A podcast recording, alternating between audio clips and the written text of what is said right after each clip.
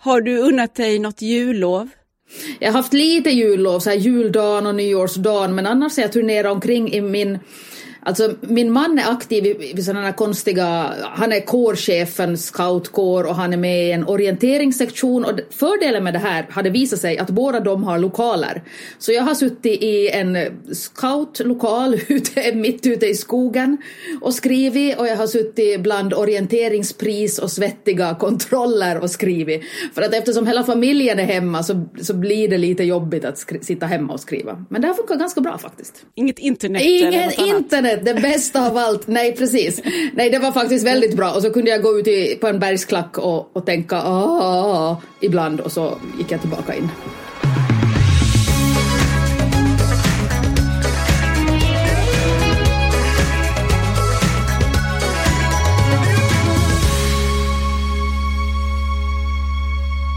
Hej, Lisa Tallroth heter jag och det här är Pocketpodden avsnitt 81. Och idag ska vi vara i en värld där pirar strövar under koppartallarnas kronor, där apostlamörtar och roshajar simmar i havet och vetesviolen vajar på åkrarna. För här utspelar sig legenden om Ögonstenen. En romanserie på fyra delar för stora och små, men kanske framför allt för alla som någon gång längtat. Kan man längta utan att jaga? Frågar hon sig. Dagens gäst, författaren Karin Erlandsson. Pocketpodden. Välkommen till Pocketpodden Karin. Tack så mycket. Så himla fina de är, de här böckerna som ligger framför mig, alla fyra i den här serien Legenden om ögonstenen. Första delen Pärlfiskaren, tvåan Fågeltämjaren, trean Bergsklättraren och sen då den alldeles nya nu, sista fjärde avslutande delen, Segraren. Och de här är ju prisade och de är hyllade, bland annat med Runeberg juniorpriset. Och jag är lite ytlig när jag börjar med att säga att de är så vackra, men de är väldigt vackra. Vad spelar det för roll för dig? Nej, men det spelar väl jättestor roll att de är vackra. Eller hur? Ja, men det gör det. För att eh, alltså när man skriver har man ju ett universum i sig men jag kan, jag kan förstås inte rita för då skulle jag ju göra, alltså då skulle jag inte vara för, på något sätt. Och sen får man det här i handen och så blir det bättre än ens fantasi så att eh, det är klart att pärmarna är jätteviktiga. Det blir ju det låter som en otrolig kliché att säga att det blir paketeringen för ens egen föreställningsförmåga. Eh, men, men så är det. Men sen ska du ju också ta in läsaren i din egen värld här som du har mm. skapat. Drottningriket och jag tänkte på att det är, det är stora teman som längtan och vänskap i boken men om vi ska hålla lite på det och börja med att presentera Miranda och hennes värld. Berätta, vem är huvudpersonen i den här serien? Miranda är pärlfiskare. Hon tycker själv att hon är den skickligaste pärlfiskaren av alla som någonsin har funnits. Hon bestämmer sig för att eh, leta efter den mytomspunna pärlan ögonstenen som är den värdefullaste av alla och det sägs att den som hittar ögonstenen aldrig mer behöver längta. Då får man allt man någonsin har längtat efter. Men om man bestämmer sig för att leta så då blir man besatt av den här pärlan. Alltså ut, om man bestämmer sig för att leta utan att hitta den. Och den här är ju inte hittad. Utan många generationer av pärlfiskare har gett sig iväg. Så Miranda är medveten om, om riskerna men hon tänker ja men ingen är ju så bra som jag. Jag kommer att klara det här. Eh, och så med sig på vägen så får hon Syrsa. Som eh, pratar, pratar, pratar i ett och Miranda vill helst att det ska vara tyst. Ja, hon får det här liksom barnen med sig och hon är väldigt skeptisk till det. Eh, de har båda två blivit av med sin högra arm i en olycka med en roshaj då de har dykt. Så att Syrsa tycker att det här har de gemensamt och Miranda tycker att, att det har de inte alls. Men så visar det sig att Syrsa kan någonting som Miranda har nytta av. Som jag inte kommer att berätta för då spoilar jag lite. Men det här gör ändå att Syrsa får komma med och så, så utvecklas deras relation då i de här fyra böckerna. Och det blir en jakt på ögonstenen och en jakt som kommer att förändras också genom böckerna. Men det är ju många som vill åt den. Så det blir ju en slags tävling också om vem som ska hinna först och det är onda och goda krafter eh, som står mot varann. Men så tänkte jag då på drottningriket som allt detta händer i. Denna egna värld som du har skapat. En fantasy får man ju säga att det är. Mm.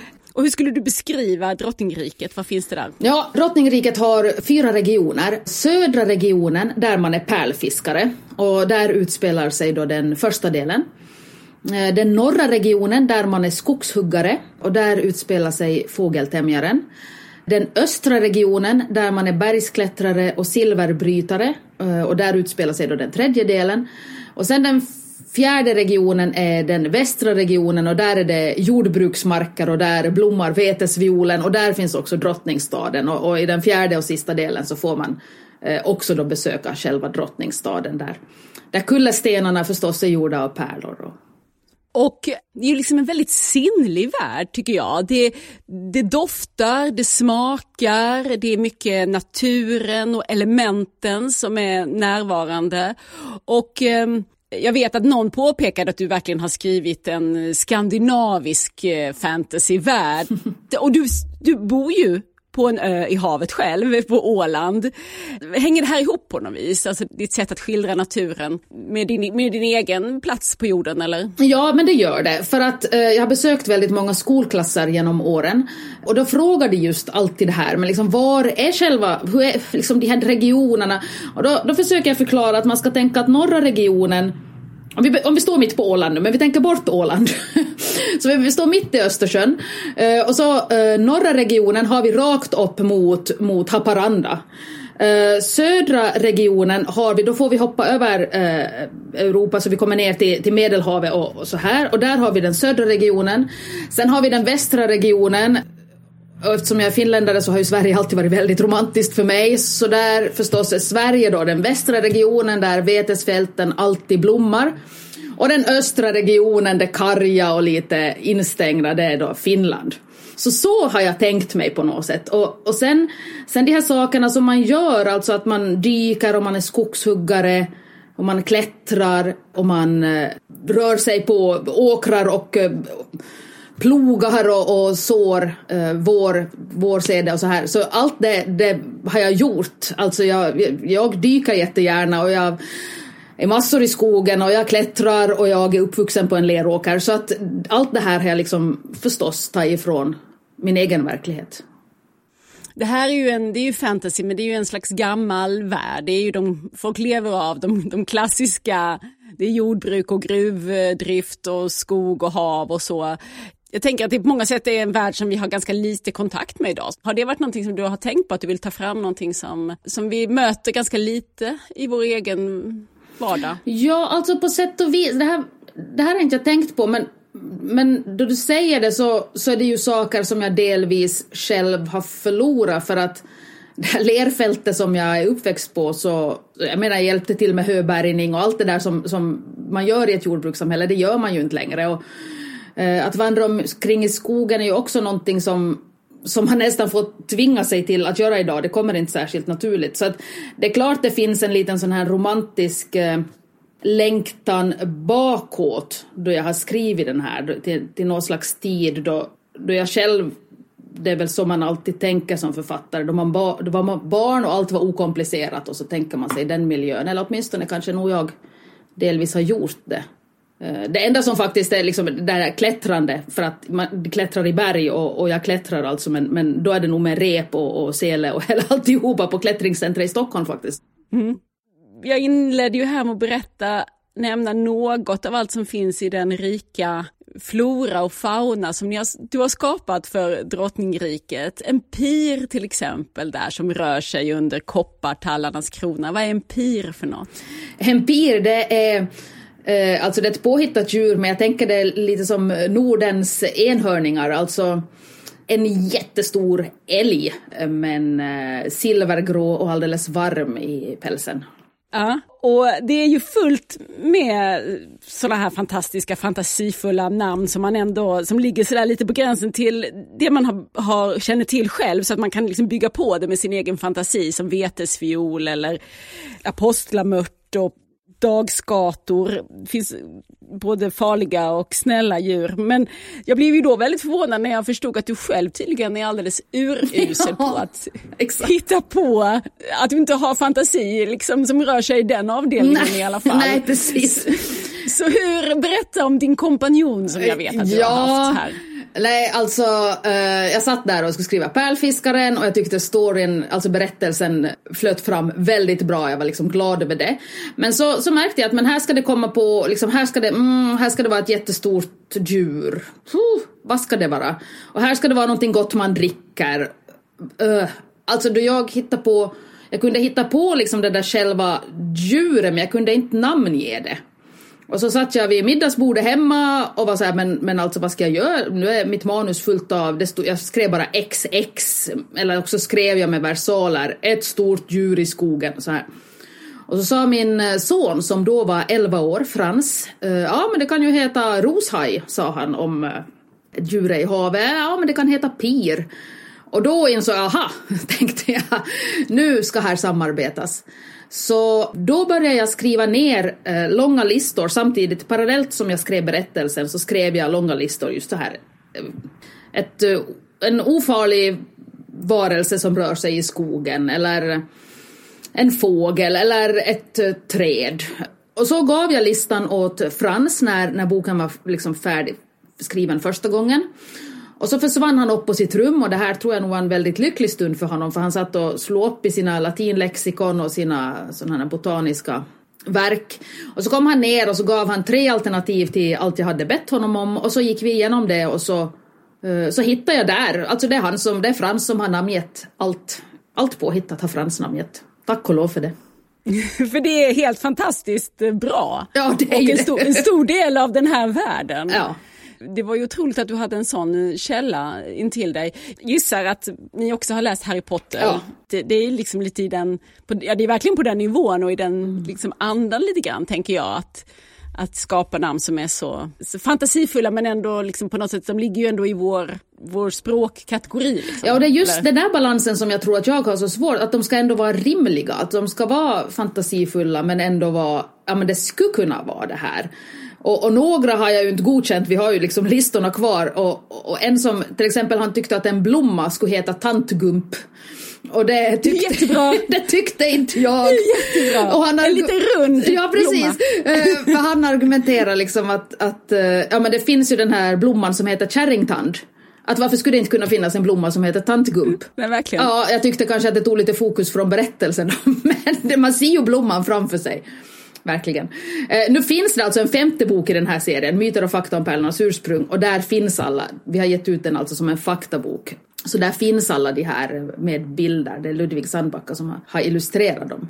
Så där kan man frossa verkligen Där kan man verkligen frossa. Detaljerna. Ja, och där har liksom Frans skrivit, för att han skrev då också fakta. Redan innan liksom serien var klar så skrev han någon slags fanfiction till det här så att det blev fakta om alla djur, påhittade djur och växter. Så att det finns då också i den här boken. Myter och fakta om pärlornas ursprung. Själva den boken finns ju också, eh, den läser ju Miranda och Sisha. Exakt. I, mm. Så att det här går det lite ihop och, och myter och legender är det gott om i, eh, i din berättelse och då legender om ögonstenarna är förstås den viktigaste.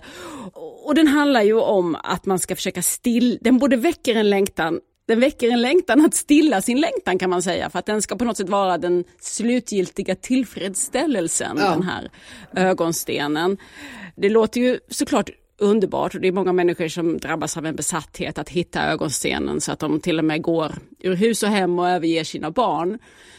Och berätta, vad är det du har haft i tankarna när du har skrivit om, om, när du har skrivit om det här och byggt den här idén om, om längtan som drivkraft? Ja, eh, det här är sånt här som inte jag egentligen brukar säga för jag tycker att eh, det lite förstör upplevelsen av, liksom om jag berättar om min längtan så kanske allihopa ser boken som jag har, det här är någon slags facit att det är det här man ska längta efter och det, så är det förstås inte. Men, men äh, jag säger det nu bara, alltså jag och min man är mitt i en adoptionsprocess och det har vi varit under hela den här. Eh, vi har två barn men, men, och fick inte tredje biologiska så att i fem, sex år nu har vi eh, blivit utredda. I Finland är det en väldigt lång process. Och det har ju gjort att jag funderar väldigt, väldigt, väldigt mycket på längtan under många år. Och vad det gör med människor, eh, eller vad det har gjort med mig. Eh, och hur, hur på något sätt längtan, det är så en otroligt tunn linje från att man eh, Alltså längtan är ju en bra sak för det får en att orka så mycket mer än vad man trodde. Man har en stark drivkraft. Men sen finns en så smal tunn linje till att man ska ta över steget till besatthet och så mitt i allt så, så ser man inte längre det man faktiskt har utan bara det man är utan. Eh, och då slutar ju längtan att vara en positiv sak och blir något, istället någonting väldigt destruktivt. Och det här har jag, på, det här har jag funderat mycket på helt enkelt. Och, ja, då blev det en bok, alltså det är ju inte så att den här bokserien på något sätt handlar om, om eh, sekundär barnlöshet för det skulle låta nu som den tråkigaste barnbokserien i hela världen. Men jag tror att eh, det som överlag är alltid sant i mina böcker det är känslorna, alltså det som, det som jag har upplevt, känslan av någonting, det på något sätt, det är sant. Och resten är ju förstås fiktion och sen, sen tycker jag också det är så fantastiskt för det här som sagt jag brukar inte berätta det här men jag brukar säga i skolklasser och på, på så här biblioteksbesök och så att att alla människor längtar ju efter någonting och man ser det då jag pratar inför barn också att, att varenda människa vet hur det är att verkligen, verkligen längta efter någonting och, och vara utan. Eh, och det blir en ganska så här, mm, allvarlig stund där i klassrummen då man ser det där hos barnen att ja shit, eh, längtan, det, det, det vet de vad det är. Och det tycker jag också på något sätt är så fint att, att vi kan mötas i, jag har min längtan och någon annan har sin längtan och, och så kan vi mötas i på något sätt, ja men vi vet hur det är och det är för asigt. Men samtidigt är det också en, en alltså lite fin stund. För att man, man är ju på något sätt, så länge man längtar tror man ju att man kommer att få det. Så är det. Är det så? Ja, så, så, tror jag. För att, eh, ja, men så är det nog. För vad blir det den dagen man på något sätt inser att man inte kommer få det? Vad händer med längtan då? Då blir det sorg och det är ju inte heller farligt. Men i längtan finns ett hopp. Det skulle jag, det, jo, det tror jag absolut. Att, att i längtan finns ett inbyggt hopp och den dag det hoppet liksom grusas eller försvinner så då blir det sorg och då får man ju, då får man ju leva med det och bearbeta det. Eh, och det är sen en helt annan sak och det kan också ta en till nya platser men, men eh, ja, så länge vi längtar så hoppas vi nog. Får jag läsa några rader som eh, Miranda säger? Det här är från den eh, fjärde delen, då, segraren. Då säger Miranda så här att Eftersom jag är god så trodde jag att min längtan bara kan göra gott. Jag hade inte förstått att längtan förändrar den som längtar att det inte spelar någon roll om man är ond eller god när längtan är så stor att den tar över allt man är. För det, för det är ju också en fundering som finns med i boken om det, just det där, ja finns det bra och dålig längtan så att ja, säga. Ja. Och vem ska bestämma det? Ja. Vem ska värdera någon annans längtan? Mm. Eh, ja, det är ju inte så små frågor det, men jag tänker att eh, Nej men den där destruktiva längtan det är ju den längtan som resulterar i någonting dåligt helt enkelt. Så enkelt är det ju. Då det inte längre, då inte längtan längre gör världen till en bättre plats. Så då, då är det en dålig längtan helt enkelt och det, det kan man ju ha men jag undrar vad det gör med en i längden. Ja men det är just det här, det det här som gjorde att jag måste skriva en bok för serie för jag vet inte, det här är så intressant man behöver fundera på det och vrida och vända på det, kanske till och med i fyra delar ja, som Legenden om ögonstenen har ja. blivit. Men, men Miranda är ju den, hon är ju den då som, som eh, under resans gång här frågar sig, för hon längtar ju väldigt mycket efter ögonstenen, den mm. har ju henne i sitt grepp. Om man kan längta utan att jaga, jag tycker det är en sån bra fråga för det, och, och det var det jag lite funderade på, om man, du sa att då blir det sorg om man ger upp hoppet. Och är det det det måste bli då? Är liksom en längtan, är det en så pockande drivkraft att man måste gå efter den? Annars så måste man på något sätt avsluta känslan och vända den till en, ja, en sorg istället då? Nej, jag förstår vad du menar. För att eh, man börjar längta vid en punkt. Och så går det några år och vid det laget har längtan blivit på något sätt en, en vana, en rutin som man bara så här, upprätthåller och det är det här jag gör och jag är nu en sån som längtar efter det här. Eh, och sen märker man inte kanske på vägen att man har förändrats. Att nej men det är inte det här, jag, jag, behöver inte längre det här. Jag kan lägga bort det, så nej, inte behöver det Det kan också bara växa ganska organiskt och stillsamt och försvinna. Tänker jag. Man tror ju aldrig det då man är mitt uppe i den värsta, värsta längtan. Att det kan, men, men då åren går så, så gör det ju saker med människor. Så är det ju. Ditt tema här speglar ju verkligen väldigt bra också allt det som vi alla just nu upplever eh, och har gjort det senaste året. När man har tvingats, eller man i alla fall fattas väldigt mycket. Och en del av det skapar ju längtan såklart och en del av det kanske skapar någon slags insikt om att det finns saker man inte behöver. Ja. eller? Håller du med? Jo, jo, men jag tänker liksom Alltså delvis ja, eller det här som så många säger att ja, man har verkligen fått syn på vad som är viktigt i livet, men det visste jag ju ändå. Nu vet jag ju att det är jätteviktigt att jag är på min, min, mina syskonbarns fyraårskalas. Och det var jag inte i år, och jag var jätteledsen. Visst, jag överlevde, alltså just den här längtan som inte, inte ja, jag överlevde, men nu blev ju mitt liv fattigare. Så att ibland tänker jag också att, att man kan får bara acceptera att nej, det här blev inte bra. Det här var verkligen en skitpandemi. Oj vad roligt vi missade. Och jag visste förut att det här var viktigt och jag vet det ännu mer nu men, men egentligen så mera hade kanske stärkt mig att ta bort saker som inte har pekat mot det som är viktigt. Men, men det som är viktigt har jag nog faktiskt, och det tror jag nog de flesta av oss har, har vetat förut. Vi har bara inte tagit oss tid att jag tänker på det där att, att man nu får längta lite efter människor som man kanske tog, har tagit för givet tidigare. Jo. På några, på några håll har i alla fall jag blivit överraskad. ja, vad bra, vad roligt.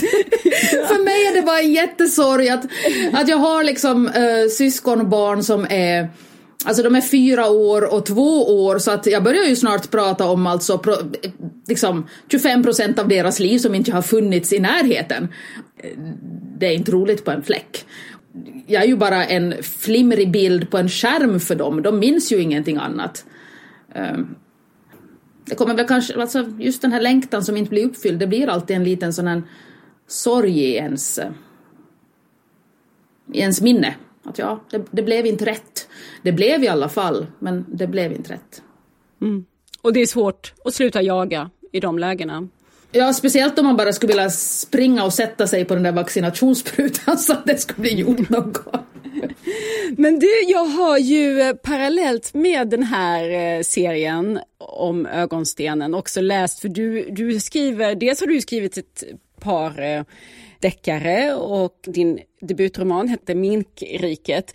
Och sen så kom du i fjol också med en, en bok som heter Alla orden i mig där du skriver om skrivande och levande och, eh, och en hel del också ju om olika slags längtan och olika slags, eh, det som driver och kliar i en som, som du eh, funderar på hur mycket du ska ge efter för och som vi alla kan fundera på hur mycket man ska ge efter för. Skrivandet är ju ett sån ständig längtan att få skriva.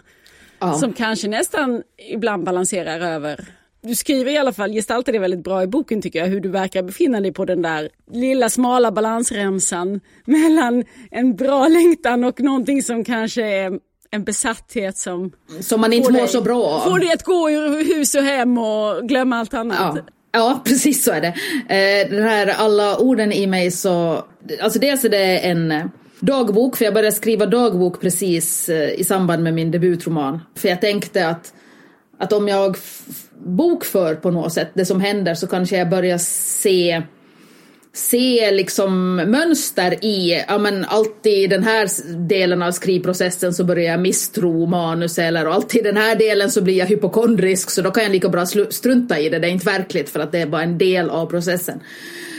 Så att halva den här boken består av min, min dagbok och andra halvan består av essäer kring då teman som till exempel beroende och skrivande och hur många ord per dag man ska skriva för att vara en lycklig människa och så här.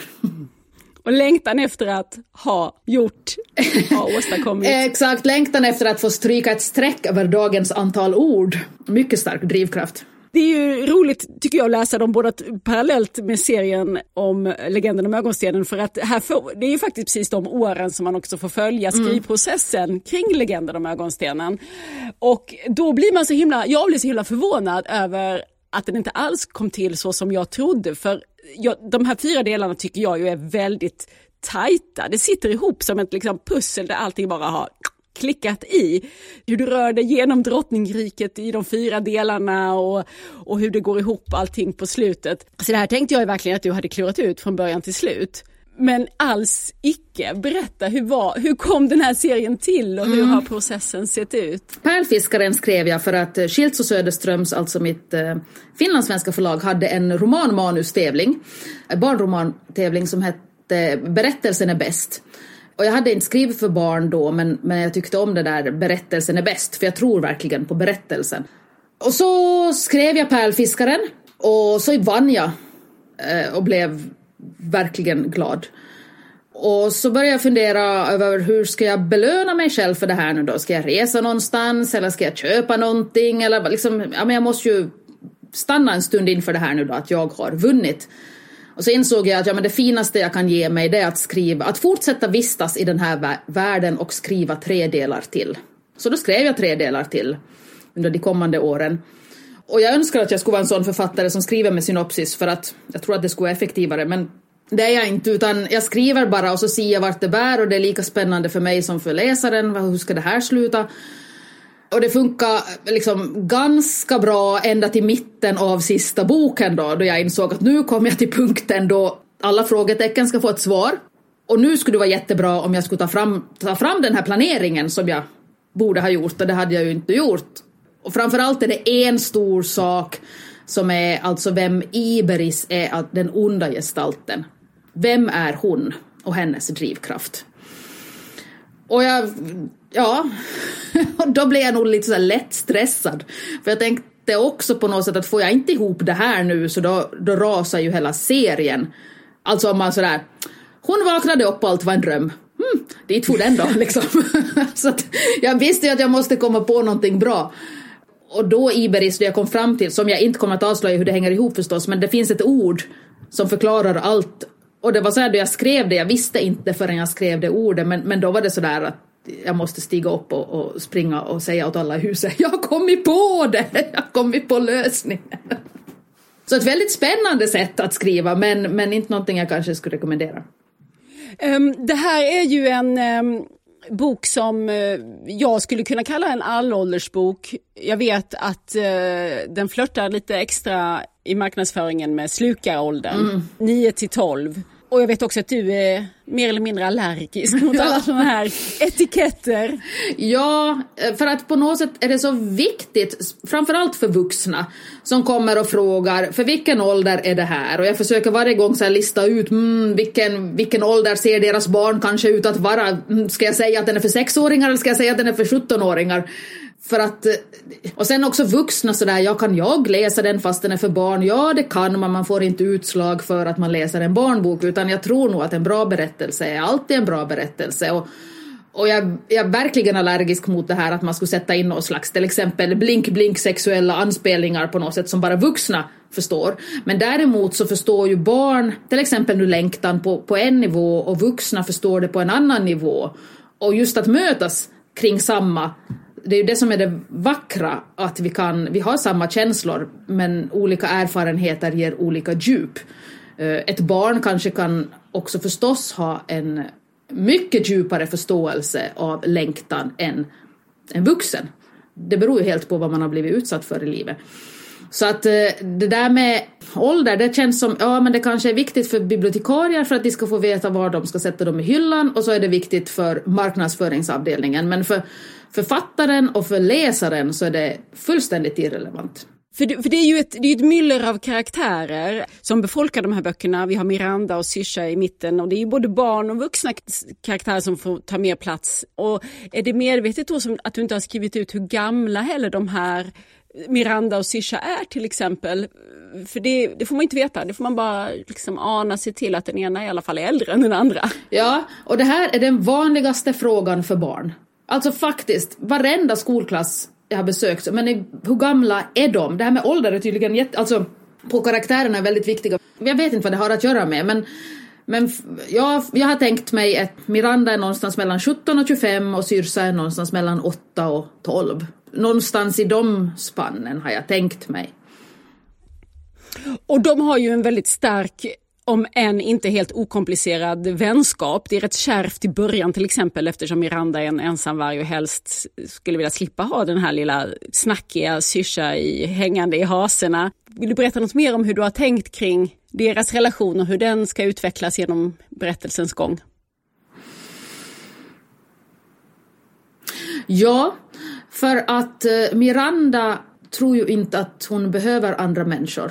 Och jag vill inte mer inveckla den så eh, att jag, jag har tänkt likadant själv. Och sen så småningom så insåg jag att men det behöver jag visst. Eh, jag behöver verkligen, verkligen andra människor.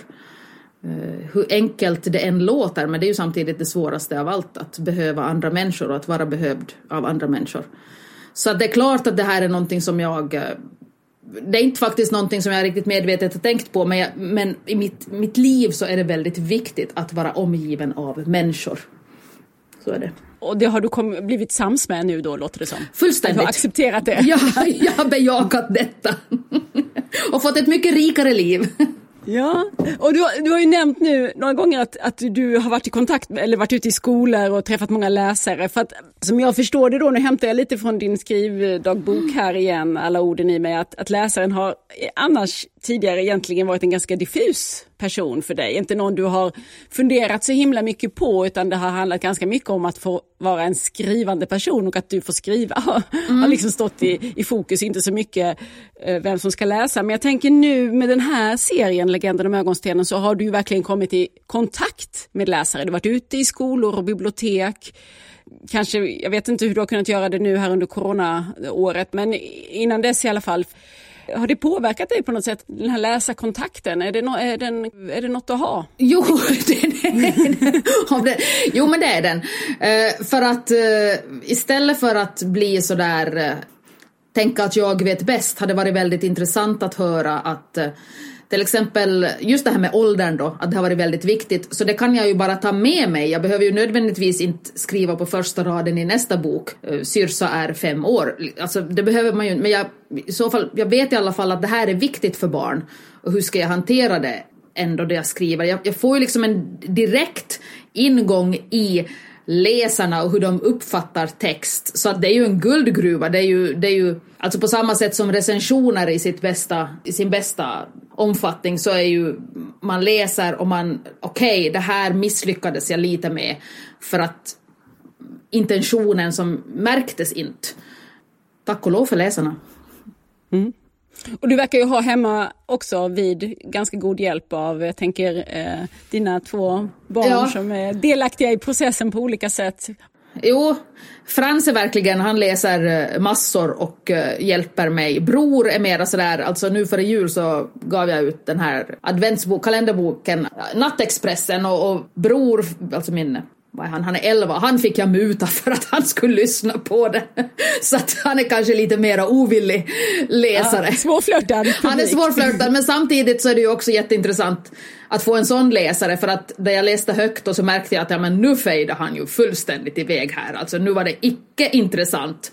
Så då fick jag ju ändra det jag skulle kanske säga att de flesta barnläsare, lyssnare är väl ganska kritiska till en text som inte riktigt hittar sitt eget fokus. Så att du har en sån läsare mitt emot sig i soffan så är det är inte särskilt smickrande, eh, men det är ju nyttigt. Ja, de tar ner oss på jorden. Och vad gör, vad gör Karin Erlandsson den här vintern? Ja, jag sitter alltså och försöker skriva en vuxenbok som har legat över mig i många år som nu ska ske. Och det är lite lustigt det här, för nu har jag ju sagt i, i då så här, nej det är ingen skillnad på barn och vuxen, en bra berättelse, en bra berättelse. Och nu sitter jag här och bara, men alltså hur skriver man för vuxna? Och det känns som att jag skulle skriva alltså Max Potta, för att mitt språk har liksom inte på grund av att jag skriver för barn, men på grund av att jag trevar så mycket efter det här det språket så så består det nu, liksom meningarna består av så här två, tre ord. Eh, alltså, nej, nej, alltså nej. Katastrof, jag måste göra någonting åt det här. Eh, så att nu, det, det kämpar jag med nu, en vuxenbok alltså. Men sen är också tanken att eh, jag har en, en liten ungdomsserie på gång vid sidan om också. Eller inte vid sidan om, jag tror egentligen att det är det som jag helst av allt skulle vilja göra, men jag måste få undan den här vuxenboken. Mm. Du eh, har ju ofta så flera skrivprojekt på gång. Mm jag återkommer till den för jag tyckte att det var en sån himla bra bok och parallellbok, Alla orden i mig, där man får ta del av en författares vardag. Och inte minst det här som det pratas ganska lite om, alltså hur man verkligen får ihop sin vardag med att få skrivtid och ha råd att skriva och hur du kombinerar med andra jobb. Du har ju fallit tillbaka kunnat göra på din profession som journalist och du har ju varit kulturredaktör och haft olika slags vick eller tjänster på Nya Åland, Precis. tidningen. Mm. Är det, där, liksom, är det där, vill du mixa och blanda eller vill du? Ja, nu, nu har jag jag gick på så här evig tjänstledighet från Nya Åland där jag alltså var kulturredaktör och jag har varit journalist i 13 år tror jag det blir. Eh, och de sista åren så kom jag till en punkt där jag bad om så mycket tjänstledigt så att det var inte schysst längre. Utan jag måste ju liksom vara ärlig, nej men nu, nu måste jag sluta, jag måste välja och det var svårt. Alltså det, jag trivs oerhört bra som journalist och, och som kulturredaktör. Så att det, det, var inte ett lätt val. Men samtidigt var det ju inget val för att vadå, har jag möjlighet att leva som författare så det är klart jag väljer att leva som författare. Och nu har jag slutligen också sagt upp mig så nu är jag helt, helt författare på riktigt. Ah. Mm. Men nu ska det väl gå, tänker jag. Ja, precis. Jag hoppas att det här blir ett bra år. Ja! Eh, där en del längtan kan bli stillad i alla fall. Tusen tack Karin Erlandsson för att du var med i Pocketpodden. Tack ska du ha Lisa.